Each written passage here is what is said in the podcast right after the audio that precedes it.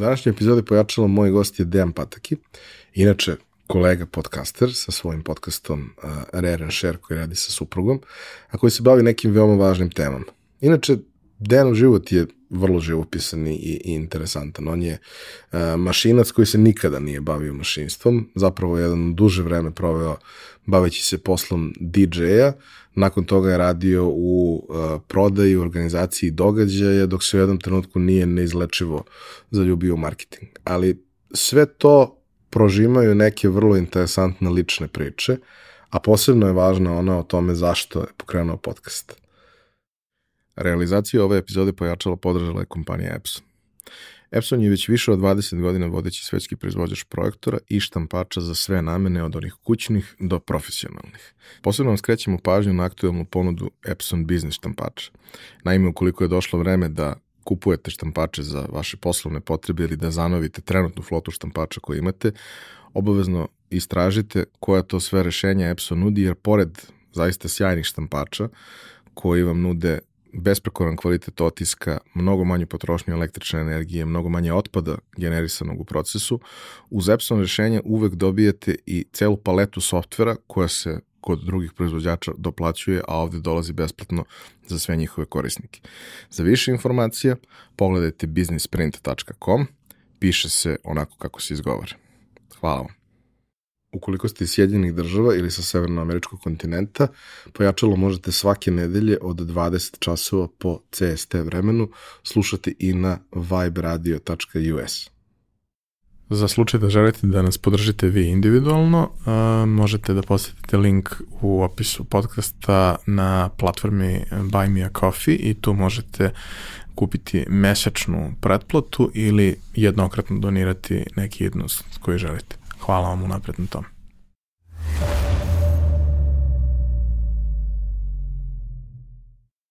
Pa, Dejane, dobrodošao. Dobrodošao kolega podcasteru.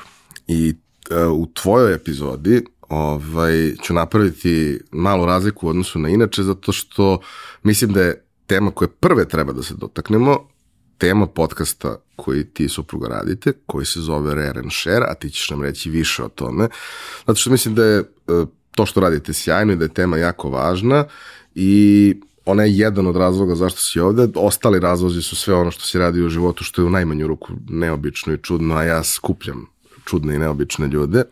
Ali prvo za početak, e, šta je Rare and Share i zašto to radite? Pre svega, pozdrav Ivane i hvala ti na pozivu.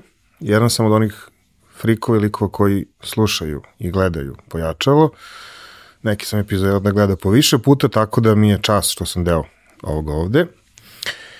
Evo ovako, Rare and Share je podcast i pokrenut, o stvari ovako, je podcast koji se bavi temama koje okružuju zajednicu o bolelih od redkih bolesti.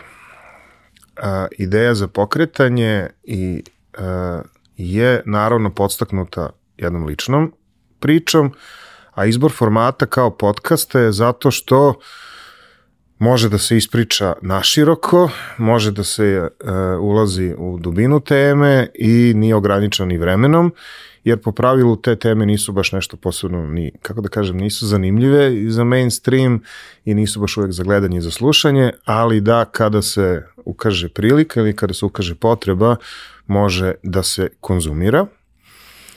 I odmah, pošto o tome pričamo vrlo otvoreno, na kraju krajeva i tako smo i u najavi podcasta rekli, priče je pokrenuta iz lične priče, naime, naš mlađi sin je neposledno pre drugi rođendan, diagnostikovana mu je redka bolest.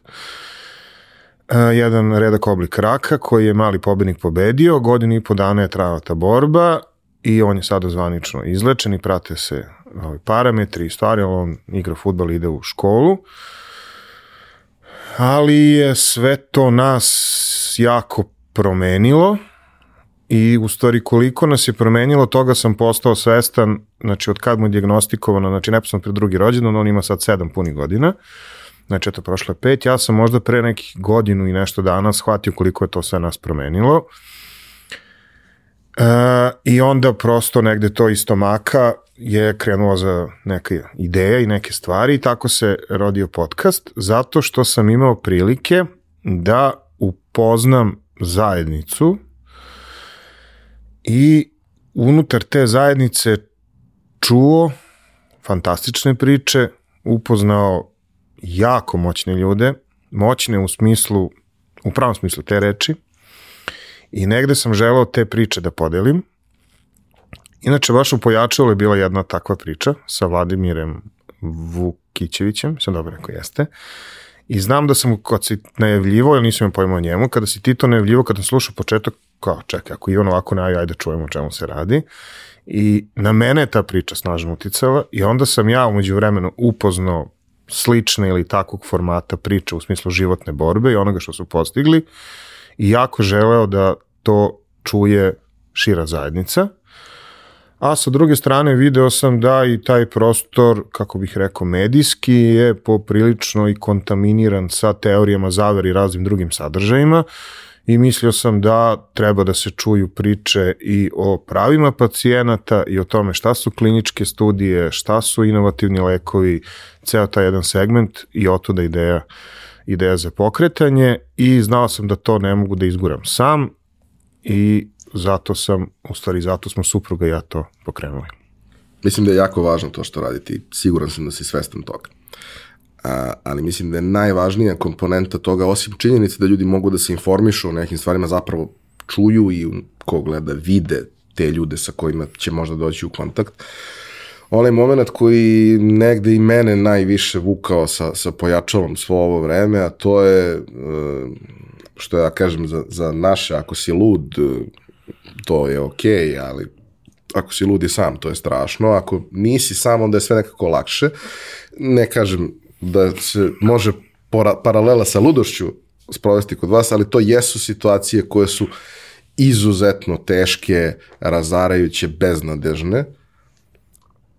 I ipak mislim da je svakome lakše kada zna da tu postoji još neko, da ima neko na koga može da se osloni, da ima neko čije iskustva može da uzme u obzir, pa sad svako iskustvo je specifično, ali postoji mogućnost da ne moraš sve da prođeš sam prvi bez ikakve podrške, bez ikakvog razumevanja, a zaista i ja sam kroz epizode koje sam slušao vašeg podcasta i kroz priče ljudi u mom okruženju koji su prošli takve borbe, shvatio koliko ima fantastičnih ljudi i koliko je važno u toj situaciji kada ti je najteže moguće, jer sve nekako, ali kada je u pitanju dete, to je najteža moguća, moguća situacija, najteža moguća borba.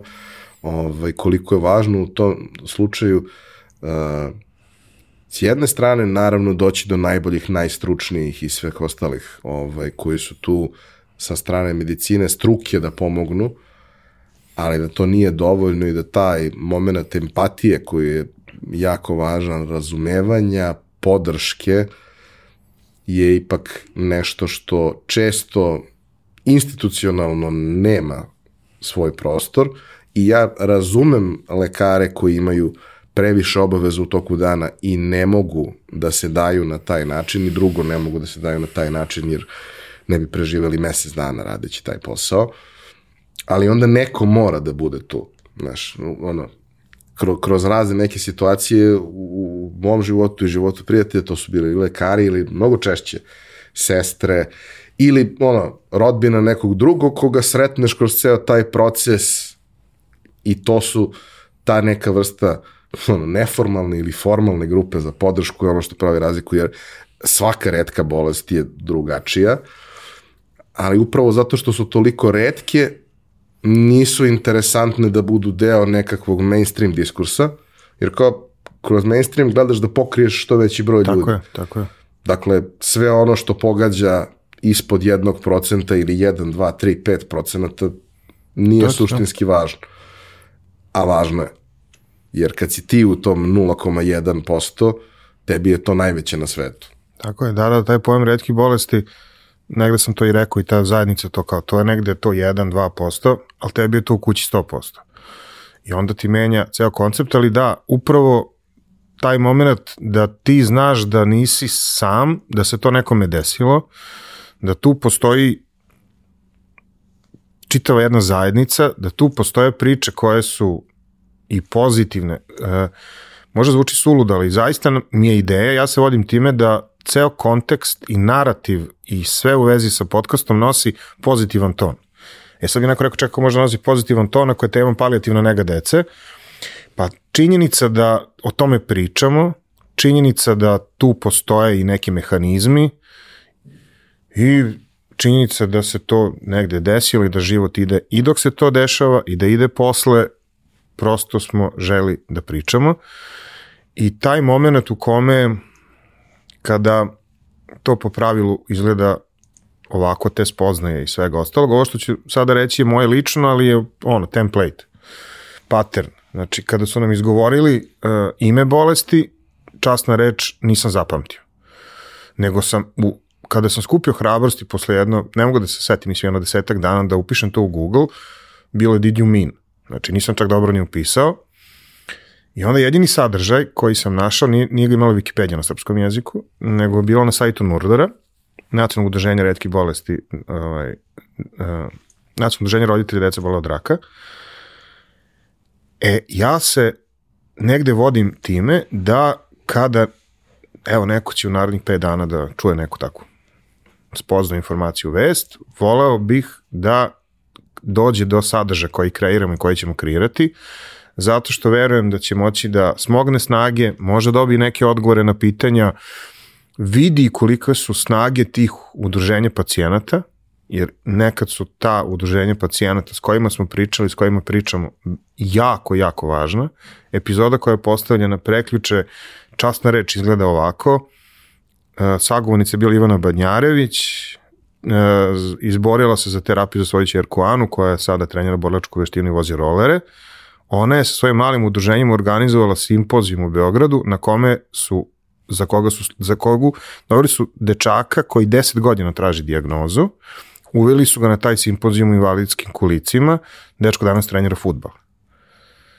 E, ja hoću da se to čuje i da ti neki roditelji nisu, ne završavaju se sve priče dobro, znači i o tome hoću da pričam i zato jeste bila među prvima tema palijativne nege dece gde su, gde je kraj izvestan, ali prosto činjenica da se o tome priča i da koliko je moguće utičem, i zato ti hvala na ovom pozivu, na neku širu zajednicu, jer hoću da tu priču čuje i komši iz grade, za koji zna da neko u njegovoj zgradi ili na poslu kolega ima dete sa nekim problemom, da je prosto treba o tome pričati i senzibilisati javnost.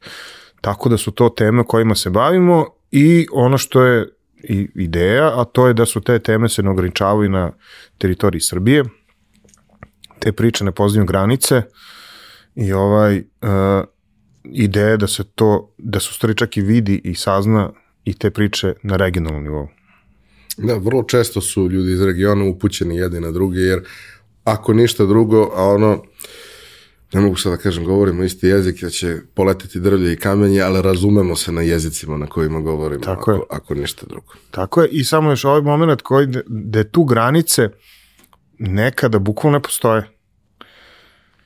Ovaj, tu se preko granice prenesu i uzorci krvi da bi se analiziralo i sa ove strane se prenese hrana i menju se državljanstva ako eh, RFZO jedne zemlje tu terapiju, znači to je jedan mikrosvet sa mnogo heroja, časno reče. Da, znam neke priče o kojima nećemo da pričamo jer su prekršaj i sve ostalo, da.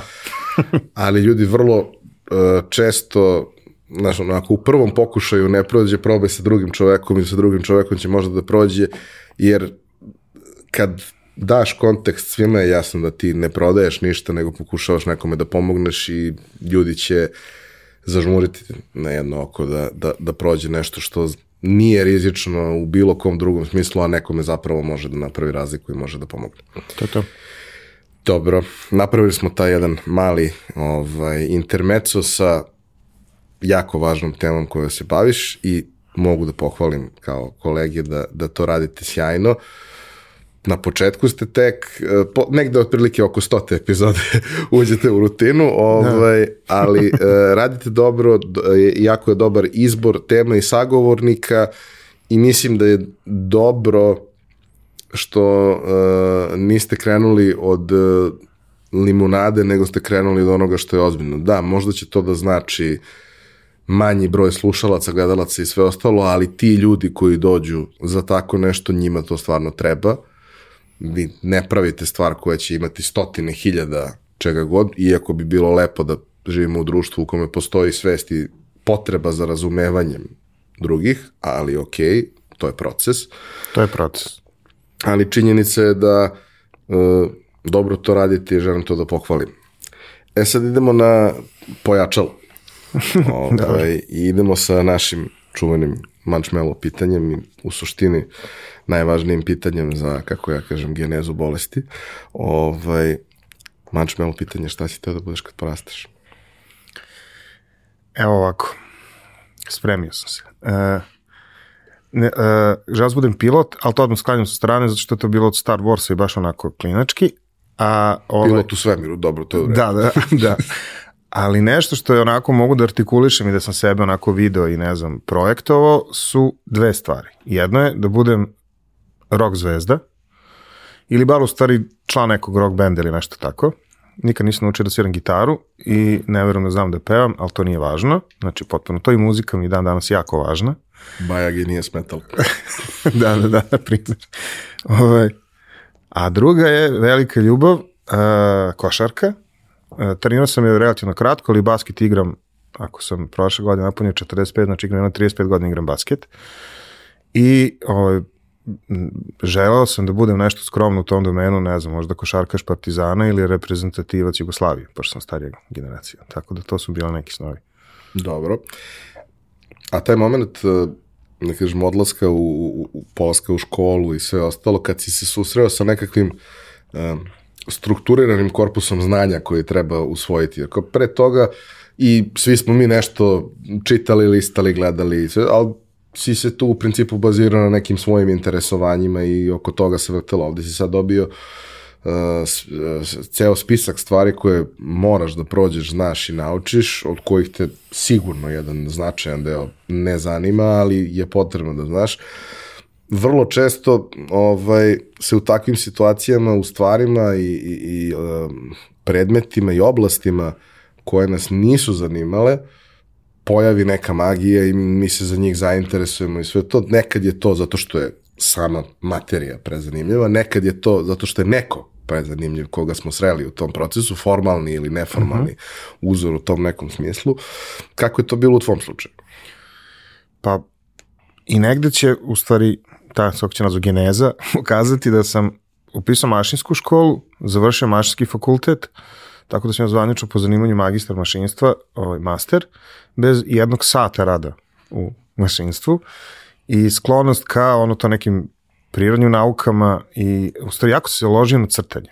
Moj otac je imao, uh, onako bio pedantan i znao, imao je takav rukopis da je danas živ, vjerovatno mi pokušao da napravim font od njegovog. Znači to bio ono popuni uh, ček i čovjek, ono, ko se seća ono, čekova. Znači, sećam se dva puta da su ono ljudi pogledali kako je popunio ček, podigli staklo, stavili ček ispod i rekli ovo je gratis za vas, ovako ćemo da ostavimo kako se popunja, ovo je template.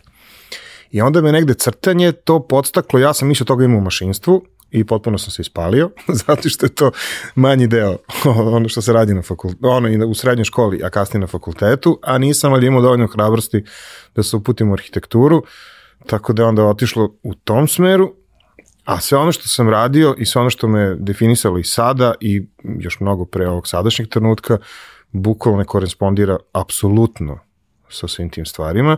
Jedino što sam možda poneo iz svih tih struktura i svega, to je način razmišljanja, inženjerski način razmišljanja. Mislim da mi on pomaže u i ono, percipiranju i života i posle i svega ostalog, ali tako da sam ono, te dve, znači mašinac koji se bavi komunikacijom, to je ono diametralno suprotno. A kaži mi, ono, taj neki period e, dečaštva i odrastanja i svega, šta su bile stvari kojima si se bavio kad nisi išao u školu i nisi morao da se baviš stvarima koje te ne zanimaju? To je bilo samo basket i samo muzika, znači basket po, po ceo boži dan i muzika koja me u stvari uh, o, i odvukla u m, mm, neke sfere i muzika je bila prvi neki i čak i posao koji je počeo da mi donosi novac. Tako da je ta neka ovaj, iz tog konteksta srednja škola, sam završetak, i u stvari od osnovne je krenulo ta oko muzike, oko svega, ali oko srednje školi, kao i većina moje generacije, kafići, rad po kafićima i stalno se petlji oko muzike.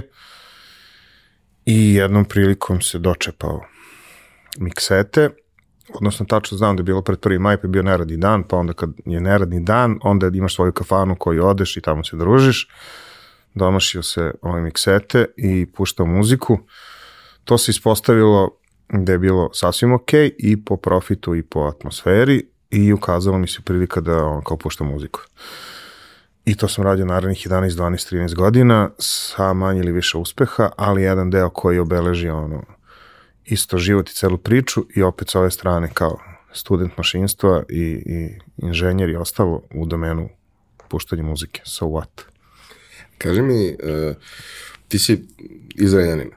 Uh, mi smo sad, da kažemo, relativno aktivni u Zrenjaninu već desete godina kao zajednica, zato što je Vlada Kovač radio to što radi, sada radimo zajedno. Ovaj, I nekako imamo stalno, svake godine kad nije korona, imamo kontakt sa Zrenjaninom, pratimo šta se dešava, upoznajemo neke mlade ljude, grad je aktivan u smislu sada već ima i dosta IT firmi koji imaju svoje kancelarije tamo i tako dalje ali ja se sećam Zrenjanina iz nekog prethodnog vremena, od pre 20. godine, jer sam imao tamo devojku i uh, dosta je to bio drugačiji grad. Dosta stvari se promenilo, a sećam se, iz, jer ja pamtim potpuno a, apsolutno beskorisne i nepotrebne stvari ceo život. uh, I sećam se toga da je Zrenjanin uh, po površini uh, druga najveća opština u Srbiji, ti, ti si mi rekao da je i u SFRJ bio druga najveća opština po površini.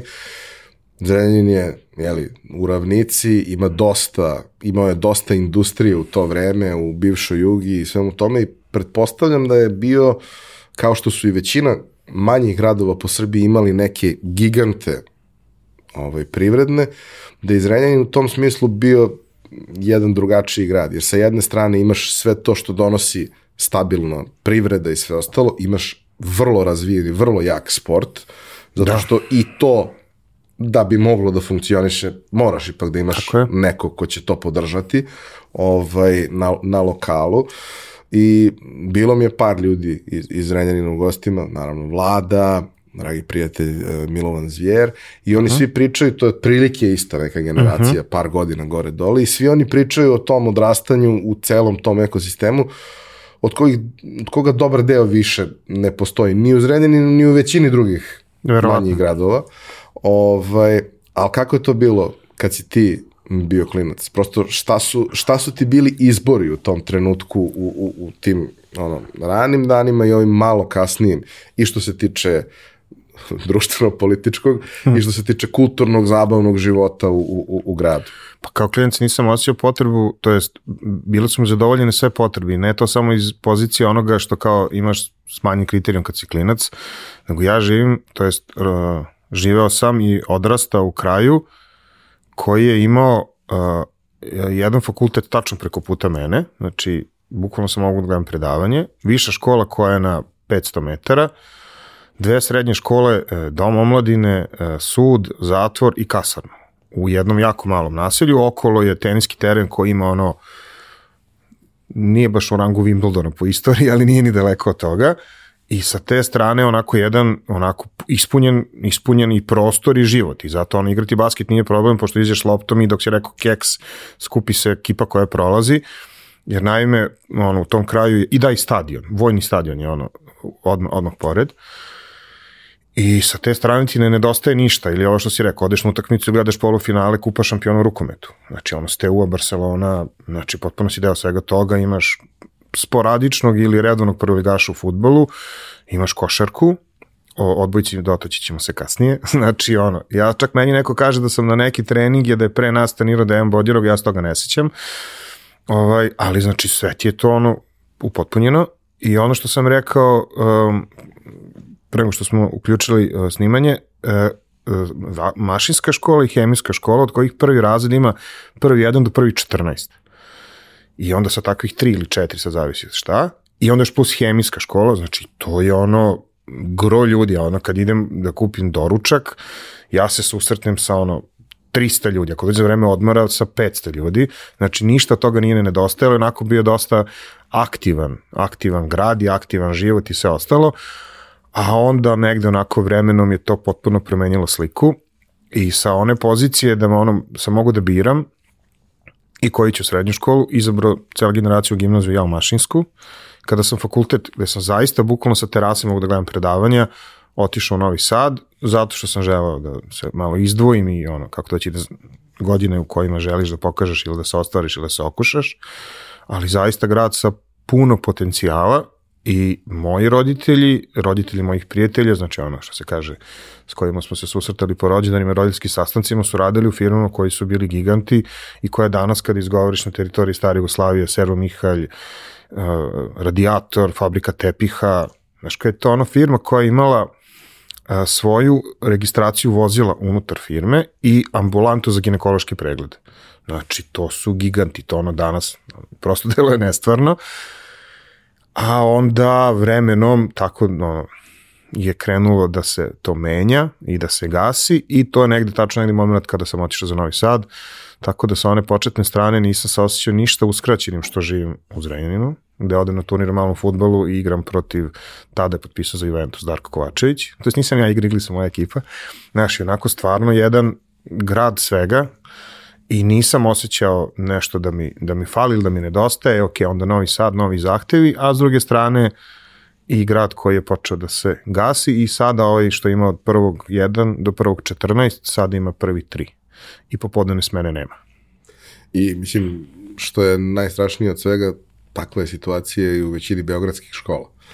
Sve je više, prvo, sve je manje škola, većina škola da. je malih se sada ili spaja u jednu veću ili tako nešto, ali kao vrlo je redak slučaj da imaš više od četiri odeljenja nekog razreda, da. to se gotovo da, da, da ne to je sad već incident. I još I, s tim da sad digresija Zrenja još ima taj moment da se nalazi između dva velika grada. I to je prosto migracije, to je stavno, jesu normalne, jesu običajne, ali ti si na 40 minuta od Beograda, na 40 minuta od Novog Sada i dva apsolutno centra u svakom smislu administrativnom, edukativnom i svemu ostalom društvenog života i prosto to je neka valjda neki usud. Nisu nas ni bombardovali. Zrenje bi jedan od redkih grada 99. na koji nije, nije bombardovan. Da, sve ravno. Ne. Pa da, znači bile su to neke jako zanimljive teorije. Ne bi sada širim priču, ali majke mi, to je grad toliko je, mislim, realno dosadan. Ja se sećam ovaj, tog momenta kad sam, kad sam prvi put otišao kod tadašnje devojke i sad ono kao, pokaži mi znamenitosti iz ok, po, prošetao na mene po centru, sve, popijemo kafu, mislim, nisam ni tad pio kafu, ne pijem ni sad, ali to neko piće, sok, šta god, uveče u zeleno zvono, sve, sve super, ali taj moment kao, zašto je ovaj most na kopnu?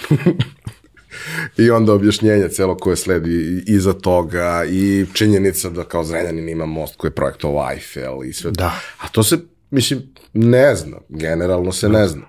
Ovaj, I grad kao grad jeste zanimljiv, ima vrlo bogatu istoriju i tad je bilo, sećam se, pošto sam kroz nju i njeno, njeno društvo upoznao dosta ljudi, dakle da tad su oni imali tu celu priču oko toga da treba da se menja ime u Petrograd mm -hmm, i tako mhm. dalje, da. sve to, to je negde tamo početak 2000-ih, ali sećam se toga da ono, meni koji u tom trenutku imam 17-18 godina, ti pet više, da ima smisla doći u Zrenjanin zbog društvenog života, zato što sam ja u Zelenom zvonu slušao neke stvari koje su zaista bile wow, neke nastupe, koncerte, svirke, zovemo kako god, ali prilično ozbiljne bendove.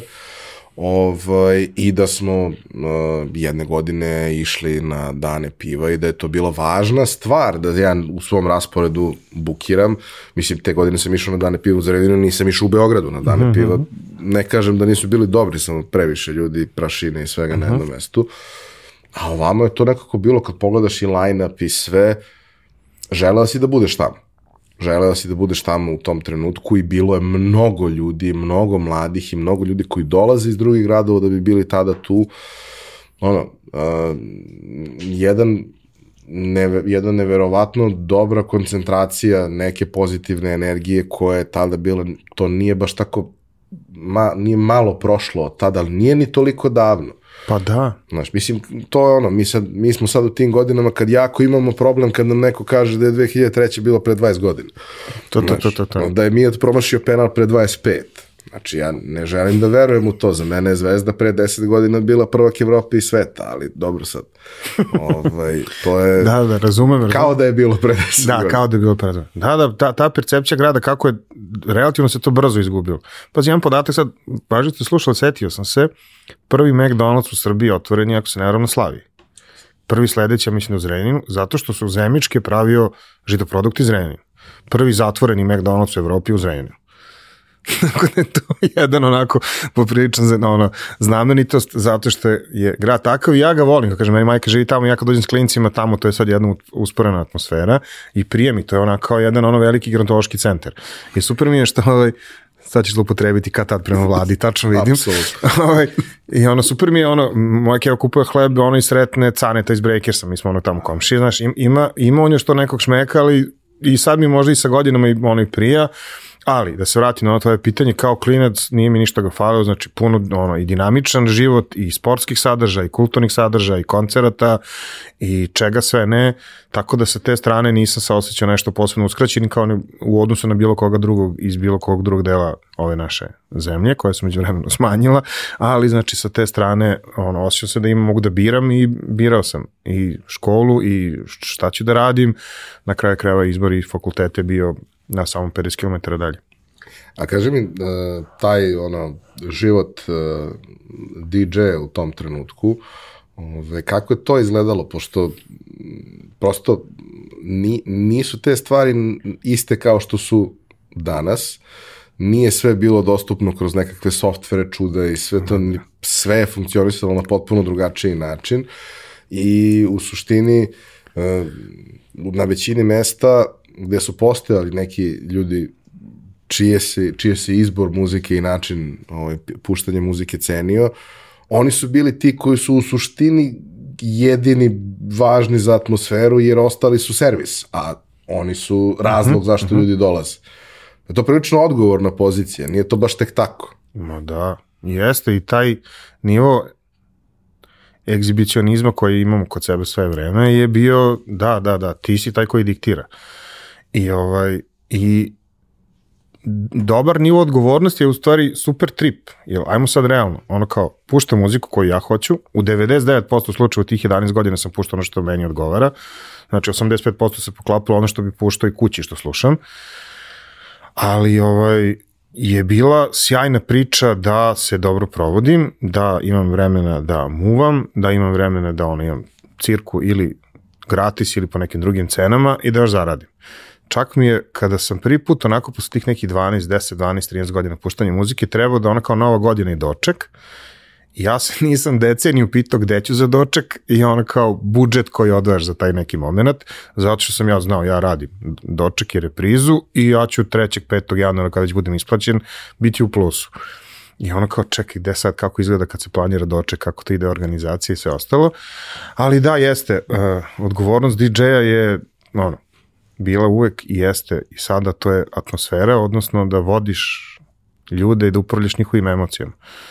I poprilično sam se imam utisak snalađu tamo, na kraju kraja trajala 10 plus godina, pa valjda, valjda imao neku vrednost. I ovo što si rekao sa tehničke strane, odnosno dovijanje do novih, do novih melodija, do novih pesama, do novih, to je onako bilo download, CD-ovi, bukvalno kao je šta je stiglo novo CD-ova, odeš i to jutro loviš da bi puštao petak i te neke stvari, tako da je to, a to je deo cele te priče i ono bukvalno uđemo u ono dve prodavnice CD-ova koje su bile u, u Zrenjinu, bojice, ono, znali su mi ljudi, e, kaže, vidiš, ovo ti je ovako, ovo ti je, gledaj, ovo ti je može biti dobro i baš taj trip. A onda kasnije narazivanje svojih CD-ova, kako to je išlo, kako je napredova tehnologija, ali ovaj, jedna mnogo lepa i kreativna stvar i taj neki moment, ono, mislim da sam se tu ohrabrio oko tog egzibicionizma i da sam, kako da kažem, izložen kritici. Jer kad si DJ, onda ono, i ti vidiš šta radiš, i ako radiš dobro, ako ne radiš dobro, a sa druge strane i oni ko ti poslodavac i ko ti isplaćuju ili pazar ili šta već, tako da je onako jedan od onih poslova u kome svako može ti kaže ovo je bilo super ili ajde, hoće malo brže ovo ono, ali ono, mislim da me to naučilo tim stvarima. A kaži mi, ovaj, je li ima nekih anegdote iz tog perioda koje bi podelio? Um, ima jedna koja mi je ovaj, i u tom nekom delu koji sam pisao na Facebooku i podsjetio sam mi se, bilo mi je sjajna stvar u Novom Sadu, inače gde sam najviše puštao muziku i otvorio pub Lazino Tele koje je sad već ono, kultno, kultno mesto. Tad još nije bilo Lazino Tele, bilo neko drugo mesto i uglavnom puštao muziku, sve ide kako treba, onako već je negde ono, vrhunac je ono, udilo je i ulaze u lokal jedno njih 10-15 recimo tako ti, ali još malo višli. I onako i sad vidim da je to nešto čudno, ne menjam ritam, sve ono, kad to kažem, to znači da je moglo dođi do rage znači do toga sam puštao i sad vidim da to ne bi smelo da se desi da pustim. Da bi za 10-15 minuta ušlo još jedno 10-15 takvih likova, krupnih, tetoviranih, ali u kiltovima. I sad, da, i sad imamo ono, da, potpuno nestvarnu scenu, znaš, oni konobari, svi onako sad gledamo i kontamo, ako krene nešto, ovi će, ono, mislim, mogu da ga, mogu da lokal sruše, demoliraju, iznesu. I da pojedu goste. da, potpuno, ono kao sad smo, znaš, o, o, sad će se desiti ono što oni žele. Nema drugog scenarija. I sad ja kao dal da nešto i sad baš mi onako kao sad neću da pustim šuda i steo šuda go, moglo bi da se desi on incident š, ovaj, širokih razmjera. I krenemo ono kao Red Hot Chili Peppers Under the Bridge i oni se zagrle i krenu onako se ljudi da pevaju. I sad to potpuno nerealna scena. Posle sam saznao u stvari šta je to bilo. E, bilo je, u Novom Sadu je bilo amatersko, da li svetsko ili evropsko, mislim da je evropsko prvenstvo američkog futbola za pripadnike policije. Znači, to su bili neki škoti specijalci i neki drugi koji su ušli. I vrhunac te veče je bio da su da neki lik je gajde i často reče stavio na šank sa sve kiltom. Ono, ljudi razmišljaju o slikama, razmišljajte o slikama. I krenu da stiska gajde koje su ono, muzike, to je to što je izlazilo odatle bilo tri puta glasnog što ja puštam. Vlasnici, to jest ljudi koji su vodili taj lokal, imaju su deal sa komšijama da ono zvoni telefon da nas zovu kad kao, ej, aj momci stišite, nemojte da zovemo, ono, da nemojte da zovemo ovaj, e, e, policiju ili već koga, inspekciju, i zvoni telefon i čovjek kaže, ljudi šta je ovo, zvaćemo policiju. Kaže vlasnik lokala, čovječe, meni u, ono, u lokalu je samo policija, pošto su sve bili pripadnici, tako da je to jedno, jedno od iskustava i onako super je priča, upoznao sam sjajne ljude, čak sam negde posle čuo da sam uticao na muzički ukuse neki od njih, to mi je onako bilo, ne, ne, ne mislim na policajce, nego, na, nego na ljude koji su dolazili redom i onda sam imao prilike da kad sam već odavno okačio, kako se da kaže, slušalica o clean, da sam puštao muziku na svadbi devojke koja je sa drugaricama izlazila i zavljala su prostor kome sam ja puštao muziku, je me pozvala da je to i njen taj važan i svečan dan uveličam, tako da je to jedna, jedna super stvar, a muzika me onda odvela i u neke stvari koje su koje su eskalirale ono čime se sada bavim. A kaži mi, taj, taj uh, proces tranzicije između stvari kojima se baviš, jesi u tom periodu dok si se bavio uh, poslom DJ-a, Ovo, jesi se bavio samo time ili si radio još nešto sa strane? Ne, samo to, e, ne samo DJing, to je bio ono, dug vremenski period, jedno vreme se studiralo, a umeđu vremenu i počeo da radim uh, poslove, tako da je to još 2006. godine radio sam za za i sa Vladimirom Ješićem, čovjek koji je kasnije pokrenuo portal Bebac i 2006. godine smo bili, on je pokrenuo jedan projekat koji se zove Srbija trguje, znači 2006. godina i dobili smo nagradu e-trgovine. Znači, Dragan Varagić je to uručio. Znači, to sad pričam, to je pre 16 godina, sam se ono, dotako svih tih nekih stvari. Je, da. da. Baš o tome pričamo.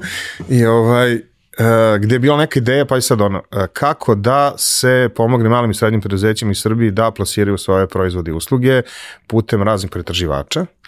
Tako da je dodir sa tim nekim digitalnom komunikacijom, marketingom, internetom odavno i to je išlo sve paralelno, znači to se dešava ponedeljak, utorak, sreda, četvrtak, a petak i subota je DJing i to je onako jedan period ove, života koja, ono, kinta je bila na mestu, sve je bilo kako treba, ono, razvijao se nekim raznim smerovima i tako da je, nije, nije, nije bilo samo puštanje muzike. I pokušaj završavanja fakulteta koji je na kraju koji se duži, ali završilo se, da, da, završio sam ga, mogu da se vadim na to da sam od početka studija šetao, pružao otpor, ovaj, preži, mislim bio ono bombardovanje, e, ispisao se sa fakultetu u jednom trenutku i želeo da nastavim studije u Hrvatskoj, dobio vizu 5. oktobra, 5. oktobra.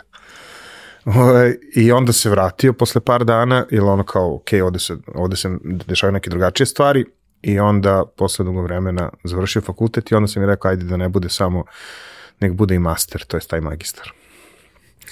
Dobro, kaži mi, ovaj, e, kako si odlučio da nešto što ti je očigledno pričinjavalo veliko zadovoljstvo i bilo velika ljubav i sve ostalo, da lagano tu karijeru DJ-a i tog nekog klubskog života tih nekoliko dana nedeljno, ovaj, da se lagano povučeš iz svega toga i da se preorijentišeš na neke stvari koje su ipak drugačije. E, trenutak u kome mi prilazi devojka i kaže mi, obrati mi se sa vi, da li imate pesmu? je bio trenutak, a inače delo je mlađi nego što, ovaj, nego što jesam, je bio trenutak kada sam shvatio da treba da proverim. Šalim se donekle.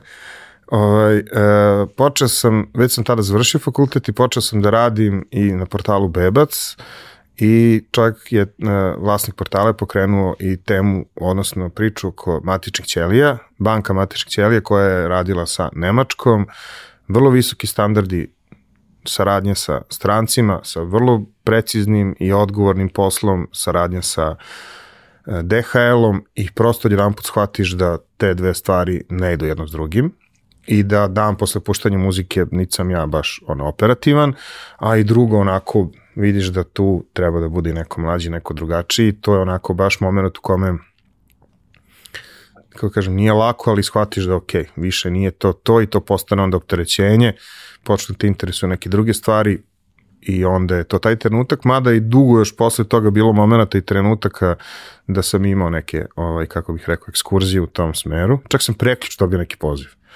Časna reč, on, ali on odmah ovaj, sam odbio. Uh, ali je ljubav prema muzici ostala i ne, nepresušanje izvor inspiracije i pozitivne energije i 24 sata radi radio, e, u auto je odmah se ono, uključuje muzika i u kancelariji rekla mi je koleginica jedna prošle godine, nisam siguran da opera dolazi tvoja muzika ili ti, jer nekad još ne skinem torbu, nekad ne raspakujem se, uključim ozvučenje i muzika svugda oko mene.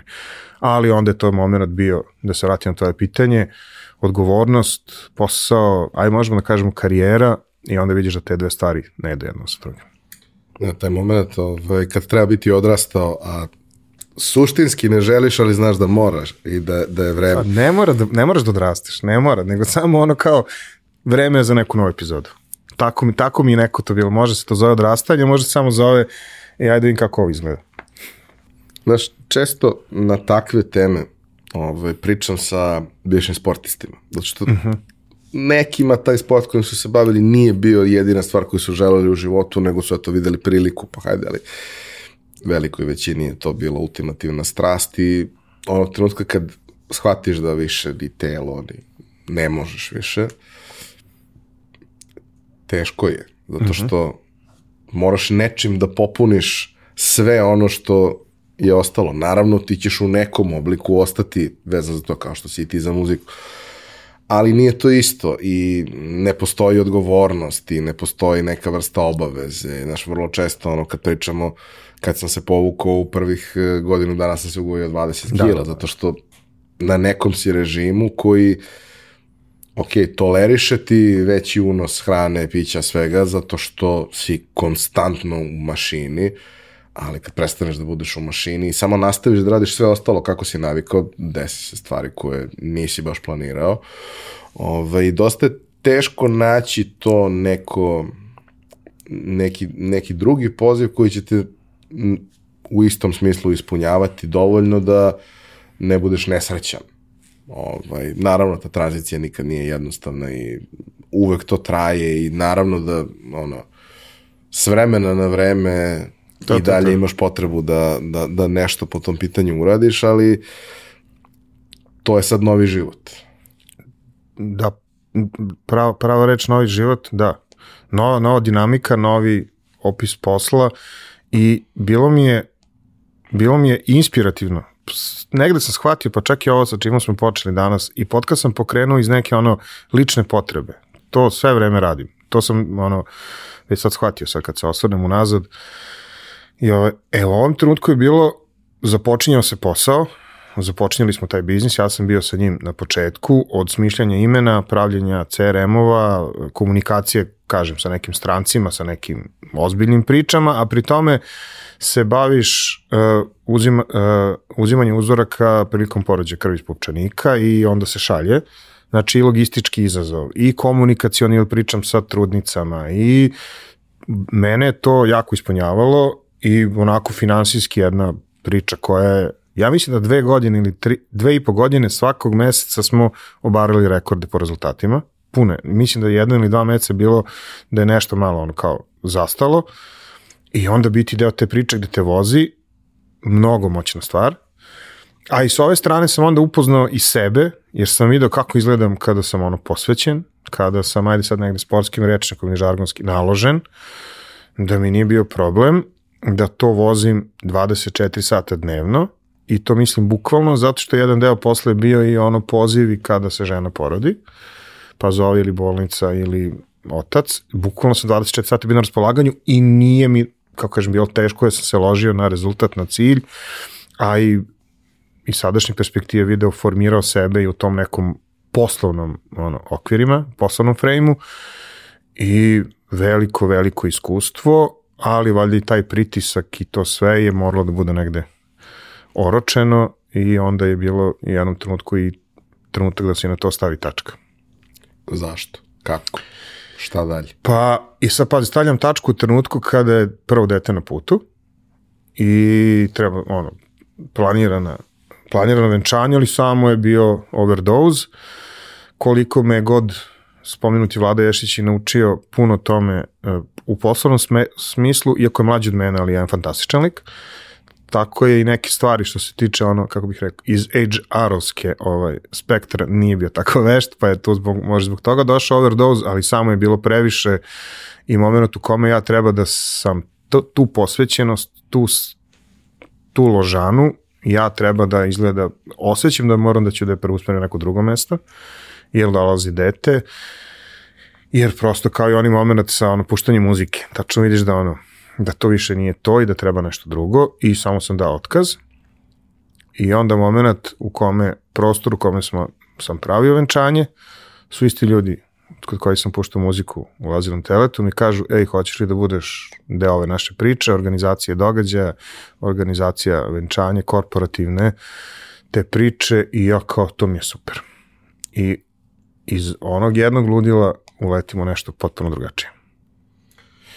Uh, događaji su kompleksne stvari. Sad ti si bio deo velikih događaja pre toga kao jedan integralni ono izvršilac, ovaj, uh -huh. ali naravno da to nikad nije, da nikad nisi samo izvršilac jer na mestu na kome si obično su neke to male priče, to su ljudi sa kojima gledaš da izgradiš neki odnos, naravno da ćeš pomoći oko svega oko čega možeš, ali jedna stvar je kad si ti deo toga, druga stvar je kad si ti, što se kaže, glavni odgovorni ili jedan od uh mhm. -huh. glavnih i odgovornih i to podrazumeva čitav jedan spektar novih veština, novih kontakata, Bravo. ono što ono rešavanje problema u klasičnom smislu jer to, to, to. organizacija događaja je koliko traje događaj puta dva Tako ovaj unapred i unazad po po toliko rešavanje problema, konstantno rešavanje tako problema. Je, često onakvih kakve niko nikad nije sreo, a isto tako često i oni koji su drugi sreli, ali ti ne znaš pa moraš da pitaš kako je to sve izgledalo, šta, šta, mislim, šta, šta ti je ono ostalo kao najjači utisak iz tog nekog perioda? Da, vidiš, zanemario sam moment da ti imaš puno iskustva u organizaciji događaja, Izvinjam se zbog toga. Ne, na ovo što si rekao, da, novi, potpuno novi moment, novi, novi, novi set veština koje su ti potrebne. I sada, pošto jedan deo je bio, uh, tog opisa posle bio uh, prodajni razgovori, znači za zakup prostora i za, a drugi deo je bio uh, baš organizacija samih događaja i sada što se tiče venčanja, ja sam bio zadužen za onaj početak i su, sutradan za naplatu. Devojke unutar tima i za dekoraciju, bio sam deo tima. E sada, zašto ovo kažem? Zato što, na primjer, imali smo događaj četvrtak, petak, subota, nedelja, to su četiri venčanja i uh, svako od tih mlad, mlada, mladi, je to najvažniji dan možda u životu. I sad, taman da je ona najrelaksiranija osoba na svetu, a po pravilu nisu bili takvi, to je ono pritisak četvrtak, petak, subota, nedelja. Najvažniji, mislim, negde sam odatle uh, ispekao nešto se zove upravljanje očekivanjima. To uopšte nije naivna stvar, jer to je to su emocije, to je ludilo, to je znači tih dva, tri sata ključnih, to je o tome neko je maštao pola svog života. I iskreno kada sam posle onog ludila matične ćeli odgovornost i DHL i sve ono što sam pričao, sad kao ovde ja sam mislio da nisam mogao da pretpostavim koje su veštine i poslovne i komunikacione i organizacione i takozvani krizni PR potrebne, ali bilo je, bilo je vrlo vrlo važno iskustvo i pomoglo mi je oko mnogih stvari danas, a i to mi je otvorilo vrata i volio bi da o tome nešto kažem malo kasnije. Uh, sama organizacija događaja jednog me bukvalno kreiralo ovim što sam danas. To je bilo, da sad samo kad se zamislimo, onako vrlo, vrlo, vrlo egzotičnih stvari je bilo. Ja se sećam ovaj, u par navrata sa krugom prijatelja koji su svi fotografi, znaš, ono, pozovete neko kome je to važno, hoćeš da pomogneš sad, da li ono, ili, ne, ili nemaju budžet, ili imaju budžet, ali im je jako važno da to bude kako treba i koga god pitaš od fotografa, ono, ozbiljnih komercijalnih fotografa i sve, kao, ne radimo, nije, nije bitna količina para, ne radimo. Mene neko da ubije, što ono, pola sekunde nisam primetio nešto da. i zabeležio onako kako su oni zamislili. I onda kad, kad shvatiš, kad pričaš sa ljudima, ovaj, ono, kad shvatiš količinu pritiska koju oni sami sebi nabijaju zato što e, su zamislili da to bude na jedan određeni način uh -huh. i uopšte nije bitno da li je dobro ili uh -huh. loše. Uh -huh. To mora da bude tako kako smo mi smislili. Baš to, si sve opisao. Ne mora. Tako je. Zašto se samo ne provedete lepo, da naravno i mladoženja i mlada moraju budu lepi, lepo obučeni, sve to, ali kao uh, ako se isplakaš od torte, ja bi se isplakao ceo od torte. Super. To je ono trenutak kada treba da slaviš, to su naj, najbolja venčanja na kojima sam bio su bila u svakom smislu potpuno neformalna, u nekim situacijama i šizofrena.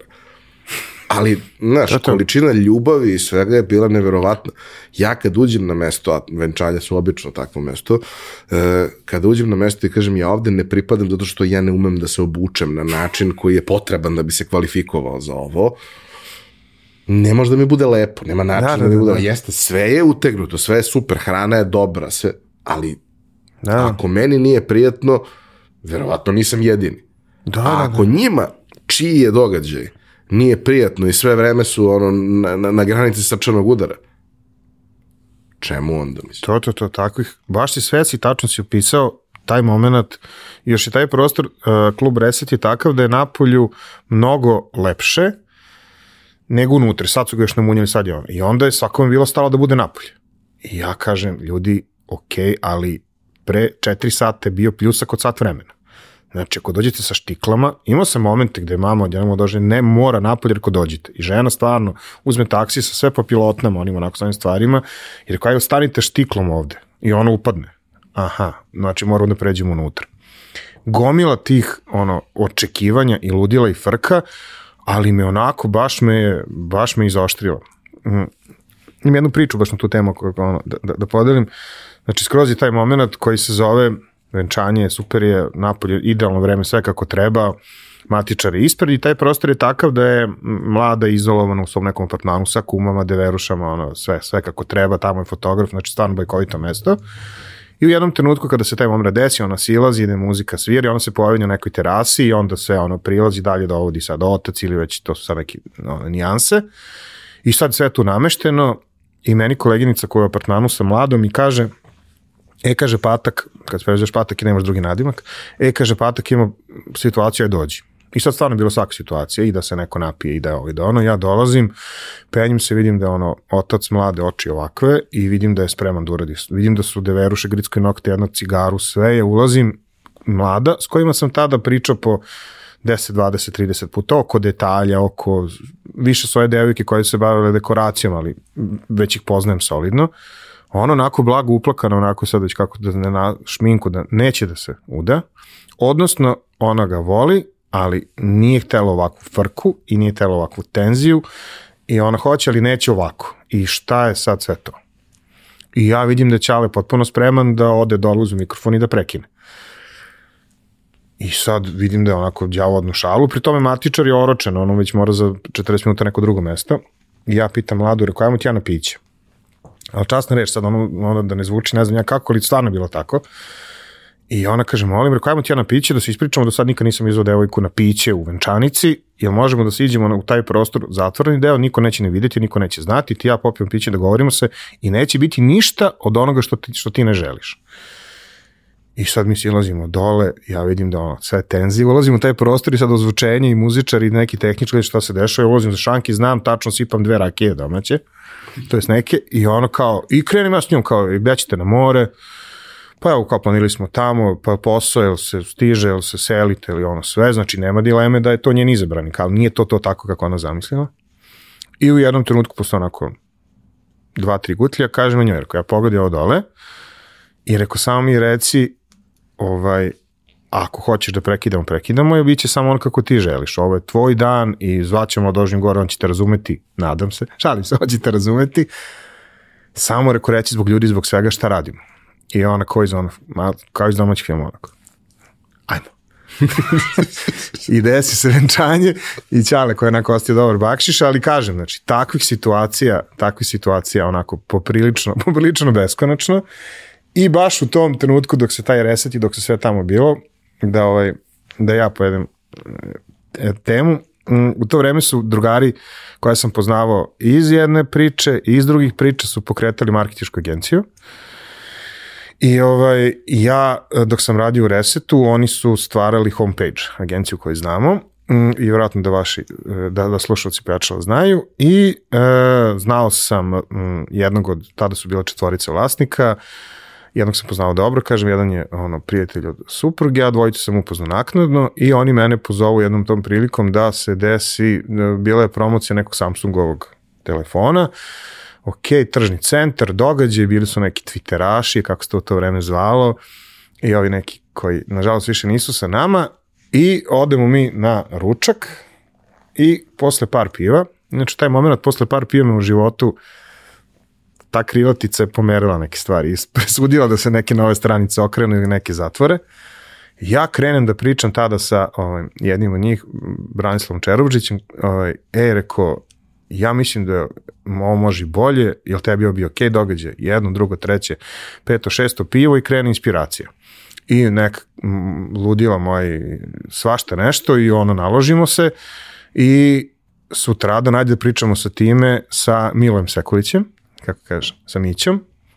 I sad dan posle tih 5, 7, 8 piva je poprilično onako jedan down, ali čak i u takvoj atmosferi mi njemu prenesemo šta smo nešto pričali, ja prenesem neke ideje, on krene da priča i kaže čekaj to sada, ko bi neki digital night, je domen digital night slobodan, on zakupi taj domen ja imam veliko poverenje vlasnika tog prostora i napravimo događaj koji je te godine dobio nagradu za korporativni događaj za mali i srednje preduzeća jednu zlatnu plaketu od jednog udruženja, jednu srebrnu plaketu i juče sam gledao snimke fotografije, ti na tom događaju nisi bio? Nisam, nisam. Ali bilo je mnogo ljudi koje... Bilo je, bilo je jako puno ljudi, ja sam morao da otkažem bukvalno taj dan jer se desilo nešto sa, ako se dobro sećam, sa računarom, što u principu podrazumeva da ne mogu baš da idem tek tako, Aha. da sam prilično vezan za, za ovo ovde i da sam zbog toga morao da otkažem, ali sećam se da je bilo i organizovan i dogovoren prevoz da, za da, sve. Da, čak sam, ja sam valjda nekog trebao i da vozim, ja sam ja rekao doći ću svojim kolima, pa smo to nešto prepakivali, ali sećam se, sećam se događaja, zato što, mislim, kako ti kažem, ja sam čovek koji uh, je esteta, a onaj prostor je prelep. A naročito je prelep uveč. Mislim, da. sigurno je prelep i preko dana i sve to, ali ja nisam baš neki ljubitelj dnevnog svetla. Uh, ali ubit, ljubitelj ambientalnog svetla ovaj, u toj nekoj dobroj kombinaciji industrijskog dizajna i prirode, mm -hmm. apsolutno jesam. I sećam se i događaja, sećam se i impresija, sećam se i nekih eh, živopisnih ovaj, doživljaja koje su neke kolege imale, ali sećam se da je događaj zaista bio big deal i drugačiji od svega ostalog što smo u tom trenutku, da kažemo, imali u industriji. Imali smo mi svašta, imali da, smo da. konferencije, imali smo razne neke stvari, ali nismo imali, nismo dugo imali pravu žurku. Da. znaš, na nekom malo višem nivou od toga da se skupimo u nekoj pivnici i Da, da, da. posle nekoliko piva, kao što ti kažeš. Uh, zašto, zašto je još to bilo važno? Pa, uh, ako mi, ako sa aspekta tog događaja v- i ranije, pošto sam prve, ono, meni je bilo važno zato što sam onda došao u, ono, u direktan sudar sa marketingom, iako sam već imao tog iskustva ranije 2005. i 6. kad je bio ta Srbija trguje posle Bebac, pisao mi prve tekstove, ali prvi sudar sa celom marketing pričom, industrijom i svi tim ljudima, ja sam na fotografijama vidi Gorana iz, iz Žiške, ja ne, A, A zaboravio sam da sam, još bilo kao da sam imao nekud znamo. I evo juče gledam te fotografije i celo jednu, i ceo jedan Tada segment. Gorana iz Executive. Da, da, da, tako je, tako je. Ovaj, ali ovaj, i onda sam vidio kao ja se jako dobro osjećam u celoj priči, u celom ovom tripu. I među svim tim ljudima, i među svim tim pričama. I e, paralelno je počelo da raste ta neka ljubav prema komunikaciji, prema marketingu. I nije me sramota da kažem da u svemu tome pomogla jedna serija. Znači, ono jeste da ono, ponavljam, da ne ponavljam koliko im godina, ali zaista ono, gledanje jedne serije koja se zove Mad Men je ono, promenilo ono, percepciju obima posla i svega ostalog. Ne to što kao Don Draper pije viski i valja žene, nego što je to ceo jedan trip, ceo jedna priča, cela jedna industrija uticaja i svega ostalog i tada se pojavila ta neka kako bi nazvao, klica koja je počela da se ono razvija u meni, a to je marketing, marketing, marketing, a onda i jedan događaj u rodnom, mom rodnom gradu koji je organizovao već spomenuti Vlada Kovač u nekom drugačijem formatu i tamo neke teme koje sam čuo i problemi koje sam čuo su mi bili jako bliski i tada kreće negde ono razvijanje i razmišljanje kako da se ja dočepam tog, tog marketinga. I dobro, mi svi koji smo dugo u njemu gledamo kako da pobegnemo iz njega, ali okej. Okay. Možda, je, možda oni podcast sa početka priče neka, neki, neka Ove, ali uh, šta je za tebe, znači, zašto, zašto te sad ovo pitam na ovaj način? Šta je za tebe značio taj ulazak i na koji način si se pripremao? Zato što ti si odrastao čovjek u tom trenutku koji ima obaveze u životu, ima porodicu, ima sve što uz to ide i nije klinac koji može da srlja, pa nema veze, pa vidjet ćemo šta ćemo, pa ako propadne, krenut ćemo ponovo nešto. Imaš dobar posao, dobro plaćen, već duže vreme radiš takve stvari, ono, izgrađen si kao profesionalac, imaš mnogo toga da izgubiš time što izlaziš iz zone komfora, industrije, posla u kome ti je sasvim okej, okay, jer si dobro povezan, znaš svoj posao, znaš ljude, znaš kako to sve ide. Ali opet, ono, imaš tog rovca u sebi koji ne da, da znači mo, mora nešto i što ja kažem, pojačalo dolaze ljudi koji vole sebi da komplikuju život. Da. E. Kako je izgledala ta tranzicija, odnosno šta su nekakvi planovi, ciljevi, kako si pristupio celoj stvari, a da te ne ugrozi previše da dobiješ ono što želiš? Ovaj moment da te ne ugrozi previše nisam uzeo obzir. Dobro.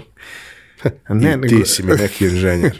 da, da, da, da, stepen sigurnosti. Ne, kada kada te krene, te, ti si ga nazvao rovac, znači kada krene da, u mom slučaju, kada krene to nešto da me vozi, i ne, ne, ne, ne uspevam da se suzdržim. Tvoj gost pre par epizoda je Ivan Stanković koji je rekao ono ljudi koji su kako razbijači i oni razvijači. Ja sam shvatio da sam ja razbijač i ja se samo nadam da se može postati razvijač. e, bilo je kao, okay, ja se u ovome osjećam dobro, ja vidim da ja to znam, ja vidim da ja to mogu, i ja to hoću i ajmo. Tako je bilo i sa onim što smo na početku pričali sa podcastom. Samo sam od jedan puta složio kockac i rekao, čekaj, znači, čak ni u tom trenutku ni, ni financija nemam. Hvala Dubroka Bjekić što mi je pomogla. Znači, nego, ja mislim da ovo treba da se desi. Ja, ja sam u tom trenutku mislio da je u, u tom trenutku mi se činila kao dobra ideja. To je jedna jako dobra rečenica. ovaj, a to je, ja želim da sam u toj sferi, u tom poslu, u toj branši sa, sa tim izazovima i onda je to bilo to i samo najkraći put kako da dođem do, do toga. I to je to.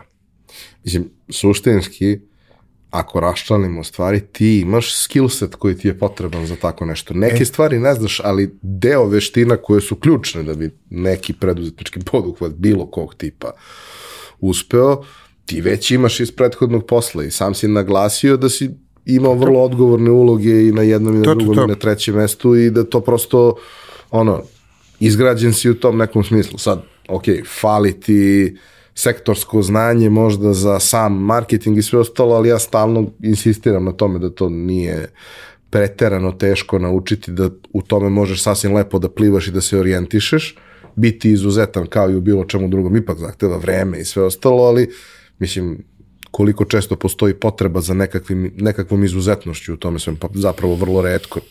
Naš posao je servisna industrija i 99% onoga što radimo je pismena šablonska stvar, da tako kažem. Ovaj, mm. Tako da, što se toga tiče, prepreke u principu nema ali postoji potreba da se pozicioniraš u industriju u kojoj imaš neke kontakte, ali nisi bio aktivan to, to, to. saigrač. Ne, ne, da, nisam bio aktivan saigrač, sve to stoji. U stvari, ta priča se jako poklopa s ovim i oko pokretanja podcasta. To je, znači, jedno vreme je, sam bio želao da za, marketing i jesam. I to kroz homepage. A svoju priču sam pokrenuo u trenutku kada sam bio bez posla, kad je dete bilo na lečenju, kada smo čekali rezultate da li izlečen ili nije. Znači, časna reč. Znači, to je bilo uh, prva terapija ništa nije doprinela, onda je krenula druga koja je bila agresivnija. I ta agresivna je bila toliko da je on jednom trenutku zaborio da hoda, jer je sve vreme bio na ono, prikačen na aparate. Čak jednom trenutku je toliko bilo resetovana mm, ovaj, imunni sistem da mu je uh, krv iz prstića se vadila došlo do predseptičnog stanja. I sad se sve to nešto prošlo i mi čekamo rezultate.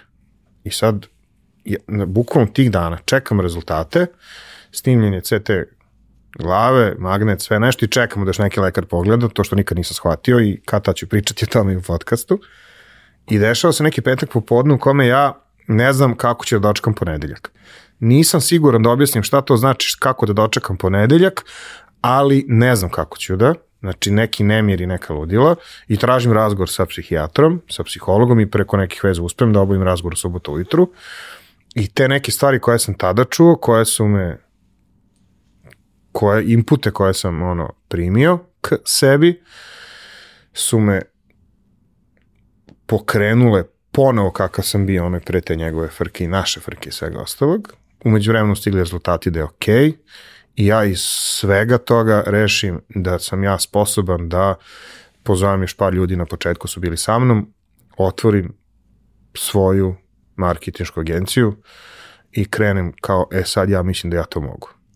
I posle mjesec dana bude COVID, ali to već nastavak priče. E, čini se ovako kroz život kad analiziramo i ja pamtim sve što ti kažeš od brojki i svega toga, ti uvek imaš nekako savršen tajming. Mislim, da. ne, nisu uvek katastrofe. Nekad su i dobre stvari, da. ali je vrlo zanimljivo da je uvek vezano uz neke velike datume to, to. kad ti doneseš neku odluku. Evo, ja danas kod tebe, gosta, danas je petak 13. imaš dva važna sastanka. Tako da igra brojeva i uvek tu, ali ne, ovaj, taj moment u kome kao sad kad sam rešio i ako sam rešio, i ne kažem ja sad da ne bude ne zvuči prepotentno, nisu tu uvek bile ni uspešne ni dobre stvari. Ali kad se razrešim i kada rešim, onda samo gledam koji je, ne, ne, ne najkraći put, ali koji je način da to realizujem i da to ostvarim. I stvarno, znači, u januaru ozvaničili, u stvari u novembru, decembru ozvaničili da agencija postoji, u februaru, martu su, smo se zatvorili ali ni tada nisam uopšte razmišljao da li se ovo neće dobro završiti i za sada, evo, ono kao, nosim se s tim. U trenutku kada sam ja počeo da se bavim marketingom, digitalnim marketingom i suštinski to sve bilo nešto zajedno, i web dizajn i marketing uh -huh. dizajn i sve ostalo. U tom trenutku digitalni marketing bilo kakvom obliku svom pojavnom ne postoji ovde.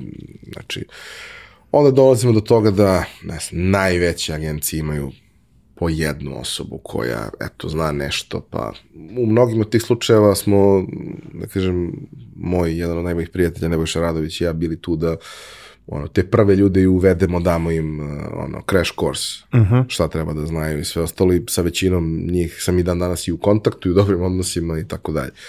Ali to pričamo o nekom periodu od pre više od 15 godina, kada suštinski ništa ne postoji, onda počinje da se javlja u tom obliku, onda, ajde da kažemo, neke od tih agencija odluče, vide tu ono, priliku stratešku da se malo refokusiraju, pa prave i mini odeljenje, pa veće, pa polako počinje kod velikih klijenata da se, da se javlja svest, pa oni imaju čoveka za to, pa posle to preraste opet u manji pa veći tim, ali onaj moment kad, kad sam ja negde shvatio da, da je priča ozbiljna, ovaj, jeste moment kad su počele da se pojavljuju agencije koje su samo digitalne. Dakle, ono, ok, uh, naravno one su bile mnogo manje od ovih velikih klasičnih, jer televizija je i dan danas to što jeste.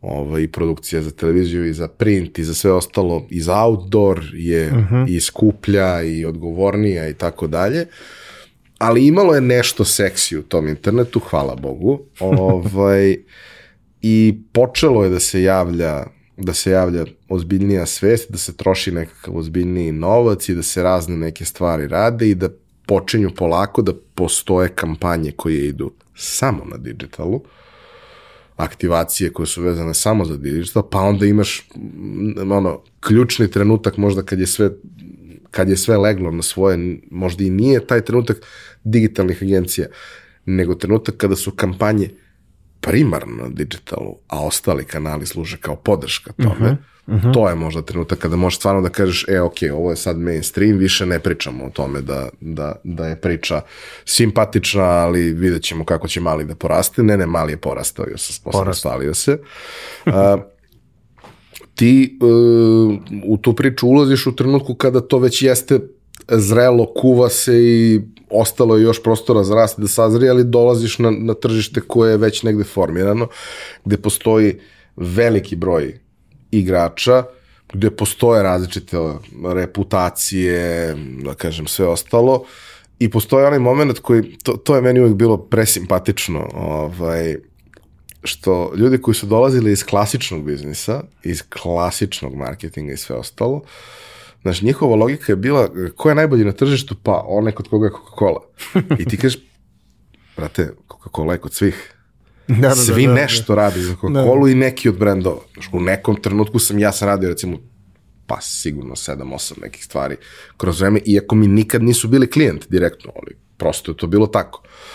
Ovaj, tako da se promenilo, decentralizovalo se sve, postalo je mnogo komplikovanije i um, ne tako mala bara, veliki broj raznih životinja, ne samo krokodila i onako jedan, jedna onako vrlo, vrlo kompleksna oaza. Sad, ok, COVID je doneo to što je doneo, uh mhm. -huh. da su se stvari, da, da smo imali malo ledeno doba, Tako je. ovaj, ali ok.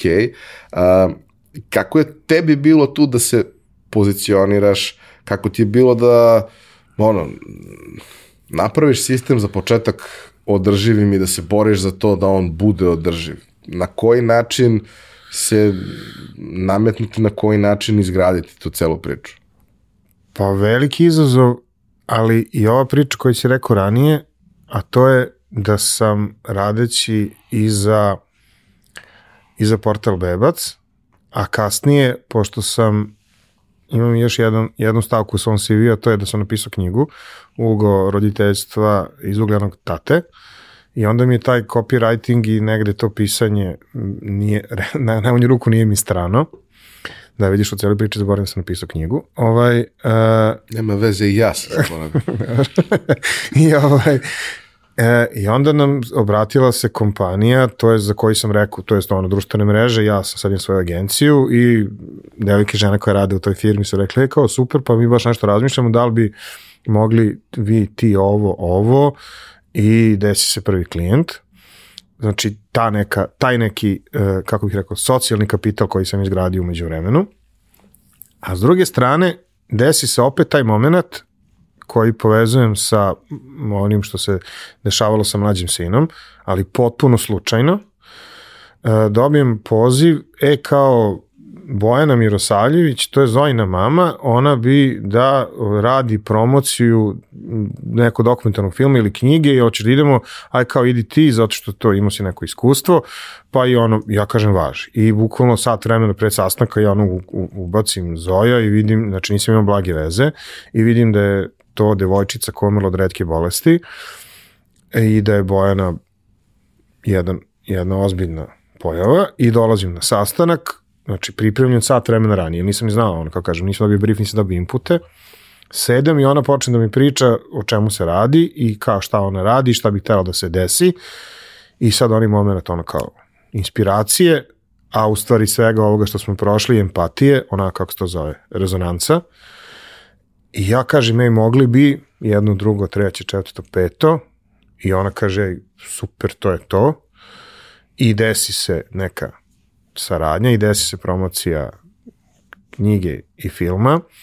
I kad je trebalo se desi promocija u Beogradu, tad je bilo zatvoreno ili promocija bila 29. februara na dan redkih bolesti koji je simboličan, ga ima jednom u četiri godine. I u martu je sve bilo zatvoreno, ali se tu desi jedna ono, otvaranje jednog potpuno drugog sveta, a to je taj svet i zajednica koji je u vezi sa redkim bolestima i negde isto tu nekako se pojave još neki klijenti, nešto što je napravilo da bude održivo, nešto što je bilo i simbolično, ali ja vidim tu i sad vidim prostor u svakom smislu reči za napredovanje.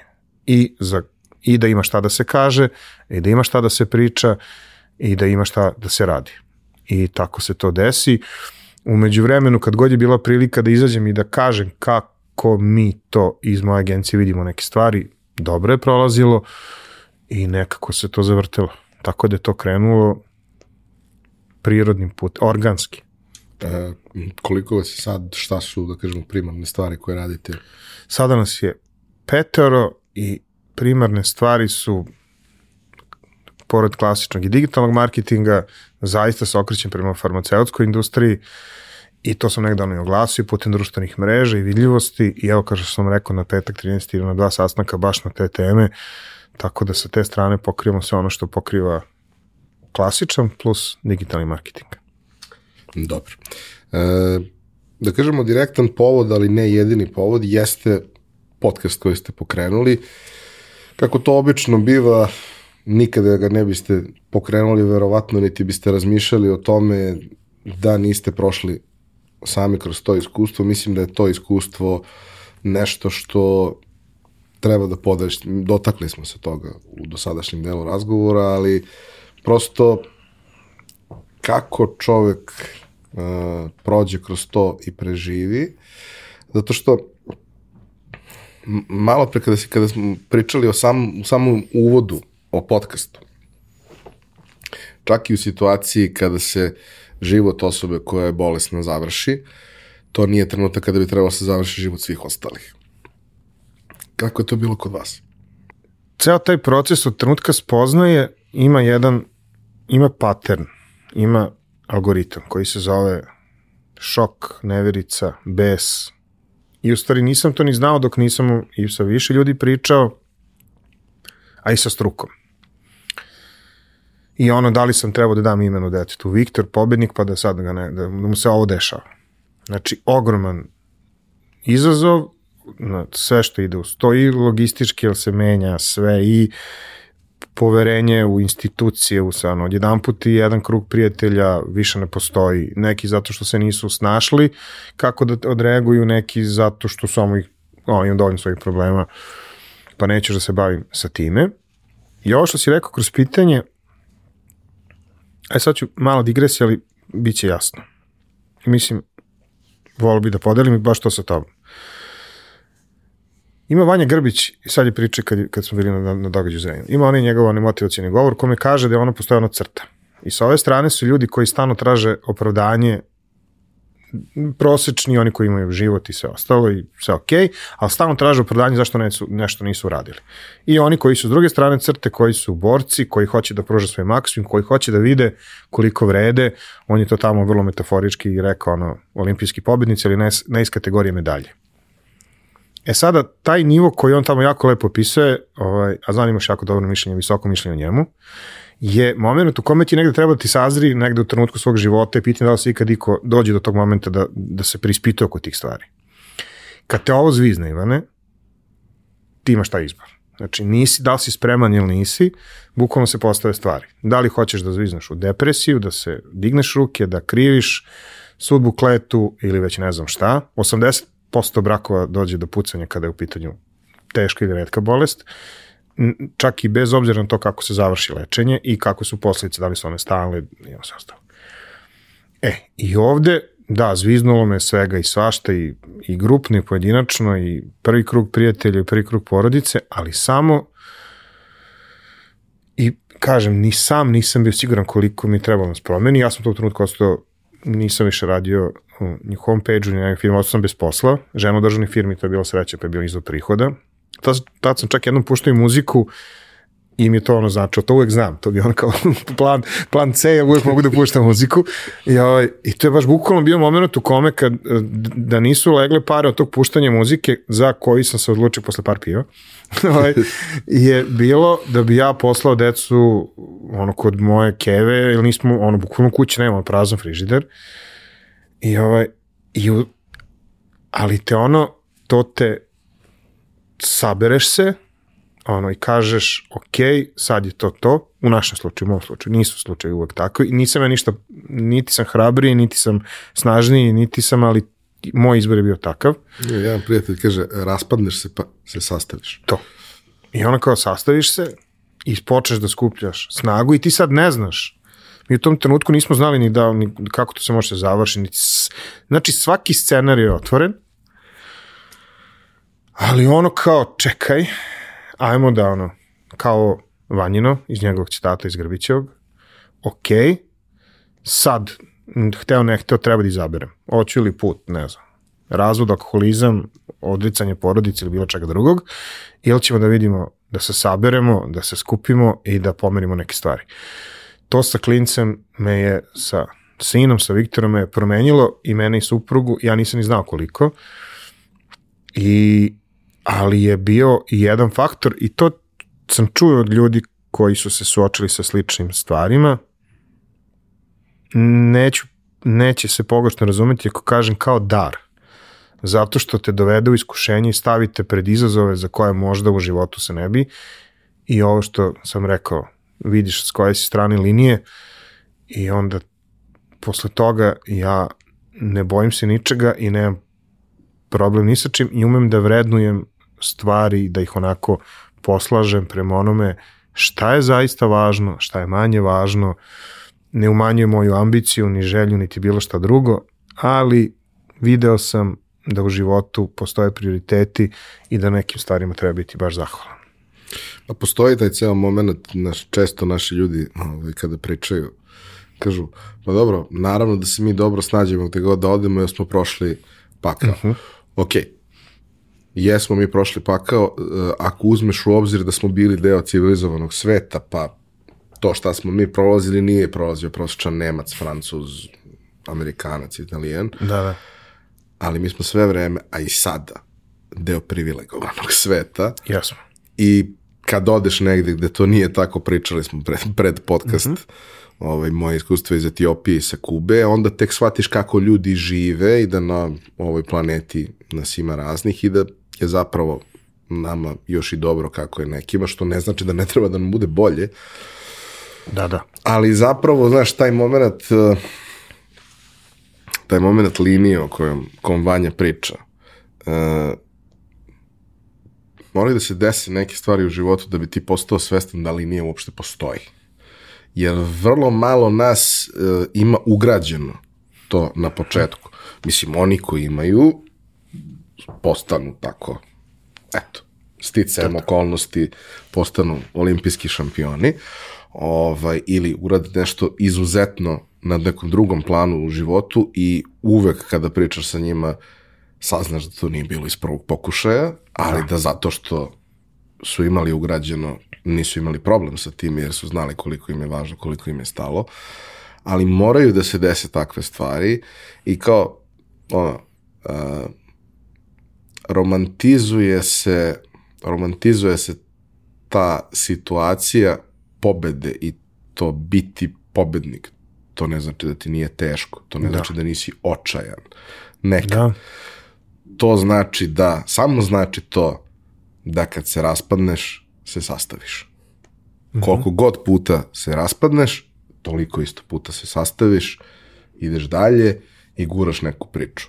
Ovaj, I to je ono, e, vi ste imali situaciju i dobili ste dijagnozu koja je razarajuća, ali ako mogu da napravim neumesnu sportsku paralelu, primili ste tri gola, ali se utakmice i dalje igra. I, znaš, ako mogu Milan i Liverpool, ko kaže da ne može neko drugi. Znaš, i meni su jako važni, mislim, i ti voliš sport, tebi je isto sport važan deo života i meni je i tako dalje. Meni je sport važan zato što pokaže egzaktno da je moguće ono što si mislio da nije moguće. Tako je. Znaš, jer film isto to pokaže, samo film je laž Tako je. koju obožavamo i volimo i sve i najbolji film je najbolje spakovana laž, ali je i dalje laž. Tako je. A sport je život. Mislim, Pot- i sport je egzaktna stvar. Potpuno, potpuno, potpuno ti sjajna paralela. Sport uči još jednu jako važnu stvar, a to je nepravdi. Samo da igraći, imam klinica od 7 do 9 godina, spomenuti Viktora Miluku, starih ne smem da ne spominjem Luku. I vidim koliko je sport važan, između oslog da nauče šta je nepravda, između oslog da nauče ovaj, da gube i da se to što si rekao potpuno ponovo sastaviti i koliko god da si razbucan, ono, matematički samo broj sastavljan treba bude plus jedan. Odnosno na ono koliko si puta razbucan, Ovaj, a, a taj duh i ta priča mentaliteta koja te tera napred vraća onog od čega smo počeli. Zaista hoću da te priče pričamo u Reranšeru. Spomenuo sam Ivanu Banjarević, žena koja je, ono, za koga sam spomenuo da je, je klinca koja je na simpozijumu da je bio u invalidskim licima pa sad igra futbal. Imam ženu koja je pričala, koja je svojim aktivizmom bolnicu poklonila gradu Nišu i priču Bojane Mirosavljević koja je izgubila čerku, sedam dana posle toga pokrenula u Zojin zakon koji je predstavljen u jedinim nacijama, do sada je, pres, je spasao preko 3000 dece i to je zakon koji je predložila prethodna garnitura vlasti, a novo izglasala, jednoglasno. Znači kad ti neko kaže, i to bi ono nek bude ono kao poenta, jel to sam učio, znaš kad ti neko kaže rečenicu, to nam je onako izgovaramo ga lagano, uradio sam sve što sam mogao. E, upo, znači ja posle upoznavanja ovih ljudi kao čekaj, ono kao, ajmo da bude malo oprezni s tim, da li si uradio sve što si mogao. Hvala ti što si bio gost u Pojačalu. E, Hvala ti što radiš to što radiš. E, Hvala ti što iz nekog razloga želiš da budeš u marketingu za razliku od svih nas ostalih, ovaj, jer to znači da kada mi konačno odemo na nešto drugo, da će imati kome da ostane. Šalim se, naravno. Ali mislim da tvoja priča je ono, jedna priča živopisnog čudaka, kakvih je bilo do sada dosta u pojačalu. Ali ovo što radiš, uh, ja redko imam prilike da pričam takve priče. Znaš, ja, kada je Vlada došao u, Vlada Ukićević, kada je došao u epizodu, ja sam znao, ja sam znao 5%. Ali sam imao osjećaj da treba da sednem i da popričam sa tim čovekom. I nije se mnogo puta desilo da mi dođe osoba koju ne znam. Makar, ono, makar kroz mreže, kroz, jebi ga, upoznamo se mi na taj način prilično dobro. Da, da. Znaš, ljudi koji, ljudi sa sličnim dijagnozama se prepoznaju. ovaj, ali da, uh, ja njega nisam znao. Ja sam znao njegove poslovne rezultate i sve ostalo i znao sam na nivou jedne rečenice da postoji jaka lična priča iza toga i da je ta priča bila vezana za bolest koju, koju je pobedio u detinjstvu. Ali to je to. Mislim, mi smo sedeli, ispričali se, ta epizoda nema ni mnogo pregleda, ni gledanja, ni bilo čega, ali ja smatram da tih ajde kažem, možda kroz sve platforme i sve 7-8 hiljada ljudi koji su to videli, da se njima promenio život zbog toga. Epizoda, jedno, jes, jedno evo ja ovde, ti. ovaj, ali da, da, da je to nekom većem broju ljudi ovaj, promenilo život, a meni se, kažem, nije mnogo puta dešavalo da završim epizodu, uh, budem toliko ispražnjen i napunjen istovremeno i da se ugase kamere i da priđem gostu i kažem, mogu te zagrlim. Sve, generalno nisam baš neko ko vo, mnogo voli da grli ljude i sve to kontakt, sve, sve to meni malo bez veze, ali znaš, ali to je nešto što ne može da se prepriča u pet minuta. Mora da ima ovakav format i zato mislim da je i izbor i način na koji radite sjajan i nadam se da ćete ono, naći način da to dugoročno opstane, da ćete dobiti adekvatnu podršku u tom celom procesu, ali svakako uh, radite jednu važnu stvar, svaki pri, prikaz, pregled, slušanje uh, vredi mnogo više nego što vredi prosečno taj KPI u, u, u nekoj našoj industriji. Jer ljudi koji su uh, ili dovoljno hrabri ili dovoljno očajni ili negde između toga svega da krenu da slušaju tako nešto, su oni ljudi koji menjaju svet. Znaš, ja sam zavisnik od Apple-a i pomirio sam se sa tim i naravno užasno me nerviraju sa svim stvarima koje rade, ali isto tako naravno kupujem sve što kupujem već 15 godina. I tehnologija je tu besprekorna, sve je to super i tako dalje, ali najvažnija stvar koju je Jobs uh, uradio je verovatno kampanja Think Different, zato što se ona završava rečenicom da samo oni koji su dovoljno ludi da misle da mogu da promene svet su oni koji ga na kraju i promene. I to je trenutak normalizacije nas koji nismo baš pod 90 i u skladu sa onim što je, što je neko generalno, neka generalna situacija u društvu.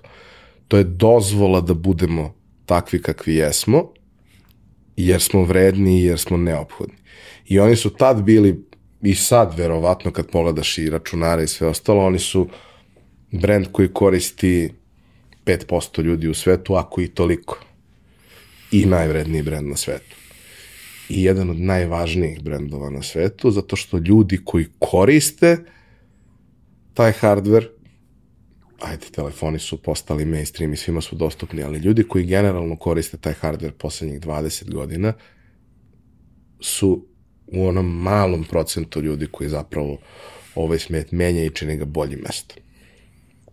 Ti si jedan od njih sa ovim što radiš i mnogo mi je drago što si, što si bio gost i mnogo mi je drago što si podelio priču i nadam se da će deo čudaka koji slučaju ovo što, što ja snimam svake nedelje da da šansu i ome što ti snimaš i da podeli ovaj, dobro glas jer e, iskreno ni, e, što kaže nisu svaki pesme za sve sate uh -huh. nisu ni svi podcasti za sve sate ali nekad treba odvojiti vreme i saznati nešto tako, jer to su neke od uh, najtežih, najlepših i najmoćnijih priča koje ovo naše društvo ima. A nekad ti je potrebno to da, da vidiš kako neko koga nisi video na televiziji može da pobedi nešto što je mnogo veće od njega samog. Nemam šta da odam, hvala ti. Hvala vama što ste nas slušali i gledali.